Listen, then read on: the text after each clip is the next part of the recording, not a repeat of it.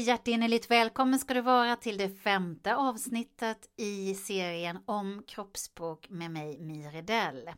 Idag har vi kommit till det första intrycket. Förra avsnittet så talade vi om vad som händer precis innan vi träffas och nu så handlar det om precis, precis de här första skälvande sekunderna eller till och med millisekunderna om när vi träffas. Vad är det som händer då? Vad är det för mekanismer som slår till? Ja, det sägs att du har 10 sekunder på dig att göra ett gott första intryck. Vissa forskare säger 32 sekunder och andra säger 15 och några säger ditt och några säger datt. Var alla är ense om att det går jätte, jätte fort. Så strunt i sekunderna, bara vet att det går fruktansvärt fort. För innan du ens har öppnat munnen så har du lämnat en massa information om dig till den du träffar. Via ditt hår, via dina kläder, dina skor, din hållning, ditt kroppsspråk, hela din framtoning, din attityd som vi pratade om i förra avsnittet. Ja, allting uppfattas av vår uråldriga stenåldershjärna, den här hjärnan som är inställd på vår överlevnad. Om du lyssnade på avsnitt två, den här fight flight responsen som slår till när vi träffar någon. Vågar vi möta den här människan eller inte? Därför så sorterar man in människor väldigt, väldigt snabbt och det har alltså med överlevnad att göra.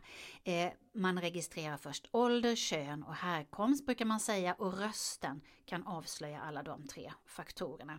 Och man bedömer, kan jag lita på den här personen? Vågar jag gå den till mötes? Eller ska jag gå härifrån? Kan jag respektera den här personen eller inte? Den svenska forskaren Per Andreasson säger att vi kan urskilja en annan, annan människas mimik på hela 90 meters avstånd. Då tittar vi på ansiktsuttrycket och, och bedömer det. Och det här sker ju omedvetet.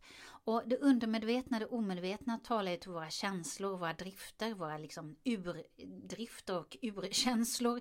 Så därför är det väldigt viktigt att du tar en liten funderare över hur uppfattas du? Och då talar jag såklart om de som inte känner dig, för de som känner dig väl, de, de känner ju din personlighet, och kan du gå klädd hur som helst och de vet vem du är. Men hur uppfattas du av de som inte känner dig? Om de ser dig eh, på stan så kanske de tänker, aha, där är en. Eh, man kan ju vilja tillhöra någon, någon speciell subkultur, man kan ju en punkare, en raggare, en hippie, eller en Östermalmsdam eller en, en hipster eller någonting som man vill identifiera sig med. Eller om man till exempel jobbar som polis, de har ju en viss sorts uniform, eller militär, eller om jag säger läkare, så ser du väl någon framför dig i vit rock förmodligen, eller brandman. Jo, jag tänkte på det där med vit rock förresten. Har ni tänkt på att vissa som jobbar på sminkavdelningar, eh, de har ju tagit på sig vita rockar nu för att de ska se lite ja, auktoritära och kunniga ut, antar jag. Eh, att de vill signalera. Medan de, det finns vissa grupper, till exempel optiker, nu, de hade ju vit rock förut, men nej, nu har de tenniströjor. Ja, eh, kan man ju fundera på. Det passar säkert jättebra för dem. Men vad passar bra för dig? Det är det som är det viktiga. Gå klädd hur sjutton du vill, men tänk på hur du uppfattas och se till att det är helt i linje med dina värderingar, vad du står för, din personlighet. Och det kan ju vara lite olika från dag från dag. Vissa dagar kanske man inte vill synas och då klär man sig lite mer nedtonat och andra dagar så vill man synas jättemycket. Man kan också vilja göra sina kläder till något speciellt signum, om jag säger Alexander Bard till exempel. Han går ofta klädd i i shorts året runt och sitt stora skägg. Eller om jag säger Jonas Birgersson för de som kommer ihåg honom. Han kom ju liksom klädd till så här, styrelserummet iklädd fleecetröja. Det blev hans signum. Eh, och eh, ja, man kan ju klä sig på ett sätt som man blir ihågkommen. Man ser de som är med i Farmen eller Robinson eller något. De har såna här konstiga, någon liten mössa eller någon annan, sån här, ett litet signum. Så kan man säga, ja men det är hon du vet som har en konstig eller det är han som har, eller det är, ja. Så att man lättare kan förklara. What makes you different or weird? That's your strength, sa Meryl Streep. Någonting att tänka på kanske. För de dagar när man vill bli ihågkommen och sticka ut. Färger då? Vad säger de? Betyder de någonting i kommunikationen?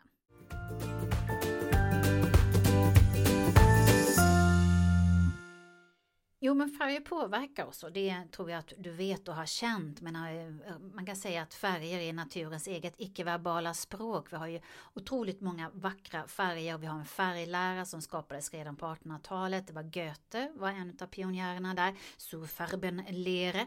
Och de, att färger det påverkar vår sinnesstämning och att det kan vara olika olika kulturer också. Vi ska gå in på det lite senare. Vi kan börja med rött älskar rött. Rött utslår energi och, och drar till sig uppmärksamhet. Jag menar, tänk eh, rödljus, stoppljus, eh, tjurfäktarens cap eller, eller Lady in Red. Det är faktiskt så att män går igång på kvinnor i, i eh, rött. Det har med reproduktion att göra. Och, och rött är ju en powerfärg, utstrålar kraftfullhet. Jag menar, politikerna väljer röda slipsar ofta. Titta på det. Eh, rött är ju väldigt dominerande färg Eh, bland de som vill väcka uppmärksamhet, en riktig powerfärg. Och rött gör så att pulsen ökar, hjärtat slår snabbare och man blinkar oftare. Eh, speciellt om man är i röda rum, vilket man kanske inte är sådär jätteofta. Eh, men det har gjorts studier på det, att både hos människor och djur, att då ökar pulsen om man blir stressad. Det var ju faktiskt så att McDonalds hade väldigt mycket rött i sina restauranger förut. Och det kan vara bra när det handlar om snabbmat. Blått då? Ja, många banker och försäkringsbolag, advokatbyråer och sådär har blått i sin logga, medvetet eller omedvetet. Men det här är nämligen en färg som ger en känsla av säkerhet, lojalitet, stabilitet. Och tittar man in i de här företagens kontor så ser man ju många män, framförallt män, generellt män, har blåa skjortor. Blått är en trovärdighetsfärg, det är en lugn färg, då eh, saktar ämnesomsättningen ner när det är mycket blått, anses vilsamt. Eh, också på span kan man se mycket blått, jag menar det är ju vatten, hälsa, tandvård, sjukvård och så vidare. De kommunicerar väldigt ofta i blått. Och gult, det är en underbar färg. Gult är ju solens färg, energi, glädje, värme. Och eh, det stimulerar aktivitet. Gult ger faktiskt energi. Forskning visar att eh, hjärnan producerar mer serotonin när det finns gult i omgivningen. Och serotonin det är det som gör att du piggnar till. Jag älskar gult. Och mm, när vi skulle göra den här boken Kroppen ljuger aldrig, konsten att tala kroppsspråk, då ville jag att boken skulle vara gul. För att liksom, ja, det, det lirade tyckte jag med ämnet. Ehm, Kroppsspråk. Och gult förekommer ju mycket i eh, loggor och posten var ju gul förut. Det är ju kommunikationens färg, brevlådor är gula. Nu vill de vara mer vara blåa, Postnord får vara mer pålitliga, vilket de kanske inte är så mycket, än vad vet jag. Men eh, grönt då? Grönt är ju rötts motsats. Faktum är att det röda blir mindre rött i en grön omgivning. Det är därför operationskläder är gröna till exempel och ibland operationssalar. Sådär. Och grönt har ju en dämpande effekt på människor, lugna sinnena, hjälper till att fokusera, eh, symboliserar natur och miljö och och det här är väldigt intressant nu att just McDonalds som jag talade om att nu har ju de mer en miljölinje och då kommunicerar de mer i grönt. Och ehm, eh, som jag sa innan, det är fysisk påverkan av olika färger och men kulturellt som jag sa inledningsvis, att till exempel i Japan, då är färgen orange kärlekens färg. Medan eh, vi i Sverige tycker att rött är det. Och många tycker att färgen vit, det är oskuldens färg. Men vitt är sorgens färg i österländska länder. Alltså det är totalt motsatt betydelse. Så olika religioner och filosofier kan ha olika sätt att se på färg. Ehm, och färg kan ju bli ett varumärke. Man har Ferrari rött eller Klein blått eller den här speciella färgen, den här röda färgen under Louboutin-skor och så vidare. Och eh, ett analysföretag som jag läste om har kommit fram till att följande känslor är kopplat till grundfärgen att orange, vänlighet, gult, optimism, rött, upphetsning, grönt, fridfullhet, blått, förtroende och lila, kreativitet. Så det är kanske någonting att tänka på när du ska lägga en ny logga till företaget eller vad du ska ha för kläder på dig på dejten eller något sådant. Så tänk på färgerna.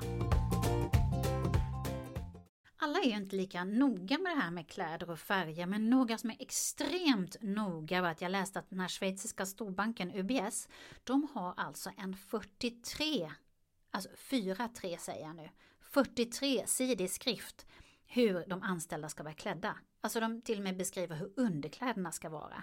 Så vissa företag är mer noga än andra. Eh, kolla upp dresskoden dit du, du ska, där, eh, om du ska på anställningsintervju eller om du ska på fest eller på något sådant. Vad är det för klädkod som gäller? För det är ju inte, det är inte speciellt kul att komma overdressed men det är inte kul att komma underdressed heller. Så att klädkoderna de är ju till för att det ska bli lite enklare. Ibland kan det kännas krångligt. Men ta reda på hur du ska vara klädd. Speciellt om du ska till andra kulturer. För man kan ju göra bort sig rätt rejält. Och eh, någon som verkligen har vittnat om det här med kraften att byta stil och vad det betydde för honom det var eh, Uruguays forna president El Pepe, José Mujica. Han fick rådet utav eh, sin kompis Luis Inacio, Lulu da Silva, som var eh, en president i Brasilien. Eh, den här Lolo gav tipset att du, jag tycker du ska klä dig i kostym. Så han berättade då eh, att han klädde sig i kostym och så sa han så här.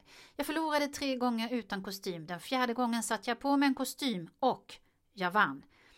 Eh, så han bytte alltså ut sin lantislook mot en mer statsmannalik look, mörk kostym, väst och vann. Men han vägrade bära slips, där gick hans gräns. Så han tillskrev faktiskt kläderna en del utav vinsten. Ehm, och det här med ovårdat och vårdat yttre då? Ja, det kan ju också vara en subjektivt hur man ser på kläder och hur mycket man bryr sig och så vidare. Men eh, generellt är det ju så att när vi mår bra och när vi är liksom ja, pigga och glada och friska, då, mår, då är vi hela och rena och, och ja, bryr oss om hur vi ser ut och hur vi luktar och så vidare, eller hur vi doftar. Men när man mår dåligt så, så, har ju inte det primärt fokus utan ni vet när man är hemma och har influensa, man ligger där i sängen och svettas och håret är stripigt och så, det är inte, då är det fokus på att tillfriskna, inte på att vara snofsig. Men eh, det är också ett sätt att se på hur människor mår, eh, hur man tar hand om sig själv. Eh, och eh, det, kan det höras hur man är klädd? Ja, det är faktiskt så att det hörs vad du har på dig i telefonen. Hur menar jag då? Jo, otaliga undersökningar har påvisat det här sambandet med vad personen har för kläder på sig och hur den låter på rösten. Det är till och med så att en bank i Stockholm har tagit fasta på det och infört klädregler för telefonsäljarna. Att de måste ha en viss sorts kläder när de säljer, sitter och säljer. Och, ehm, så det är någonting att tänka på för oss egenföretagare som kanske, i alla fall mig själv inkluderat, svarar i morgonrock ibland. Att man kanske ska tänka på att det hörs vad man har på sig. Så sammanfattningsvis, hur vill du framstå inför dem som inte känner dig väl? Var så genuin som möjligt så att det verkligen lirar med dina värderingar och med dig som, så du framstår som genuin och varm och härlig. Tänk på dina skor, kläder, smycken, inte smycken, frisyr, eh, huvudbonad, inte huvudbonad, skärp, eh, väskor, glasögon, allt, allt, allt tittas på. Jag menar, hur många gånger som helst när jag föreläser som folk kommer och säger Gud, vad har du köpt den här eller vad har du köpt den där? Folk tittar på och bedömer och eh, gör slutsatser. Och assumption is the mother of all fuck-ups. Jag menar, ibland har vi inte rätt. Och ibland har folk inte rätt om oss oavsett hur noga vi väl har tänkt igenom hur vi ska framstå. Så att det där kanske är missförstånd. Men gör ditt bästa. För att det är väldigt svårt att tvätta bort det här första intrycket. Det går. Men någonstans så har vi bestämt oss ganska snabbt för vad vi tycker och vilken känsla som du förmedlar. Så var noggrann. Eh, hoppas det här avsnittet har känts roligt. Dela det gärna. Och eh, nästa vecka så tänkte jag ta upp någonting som också är viktigt vid första intrycket och vid alla intryck hållningen, din hållning och hur det påverkar andra och dig själv. Ett helt avsnitt om bara hållningen. Håll utkik efter det. Tack för att du lyssnade. Dela gärna. Kram på dig. Hejdå!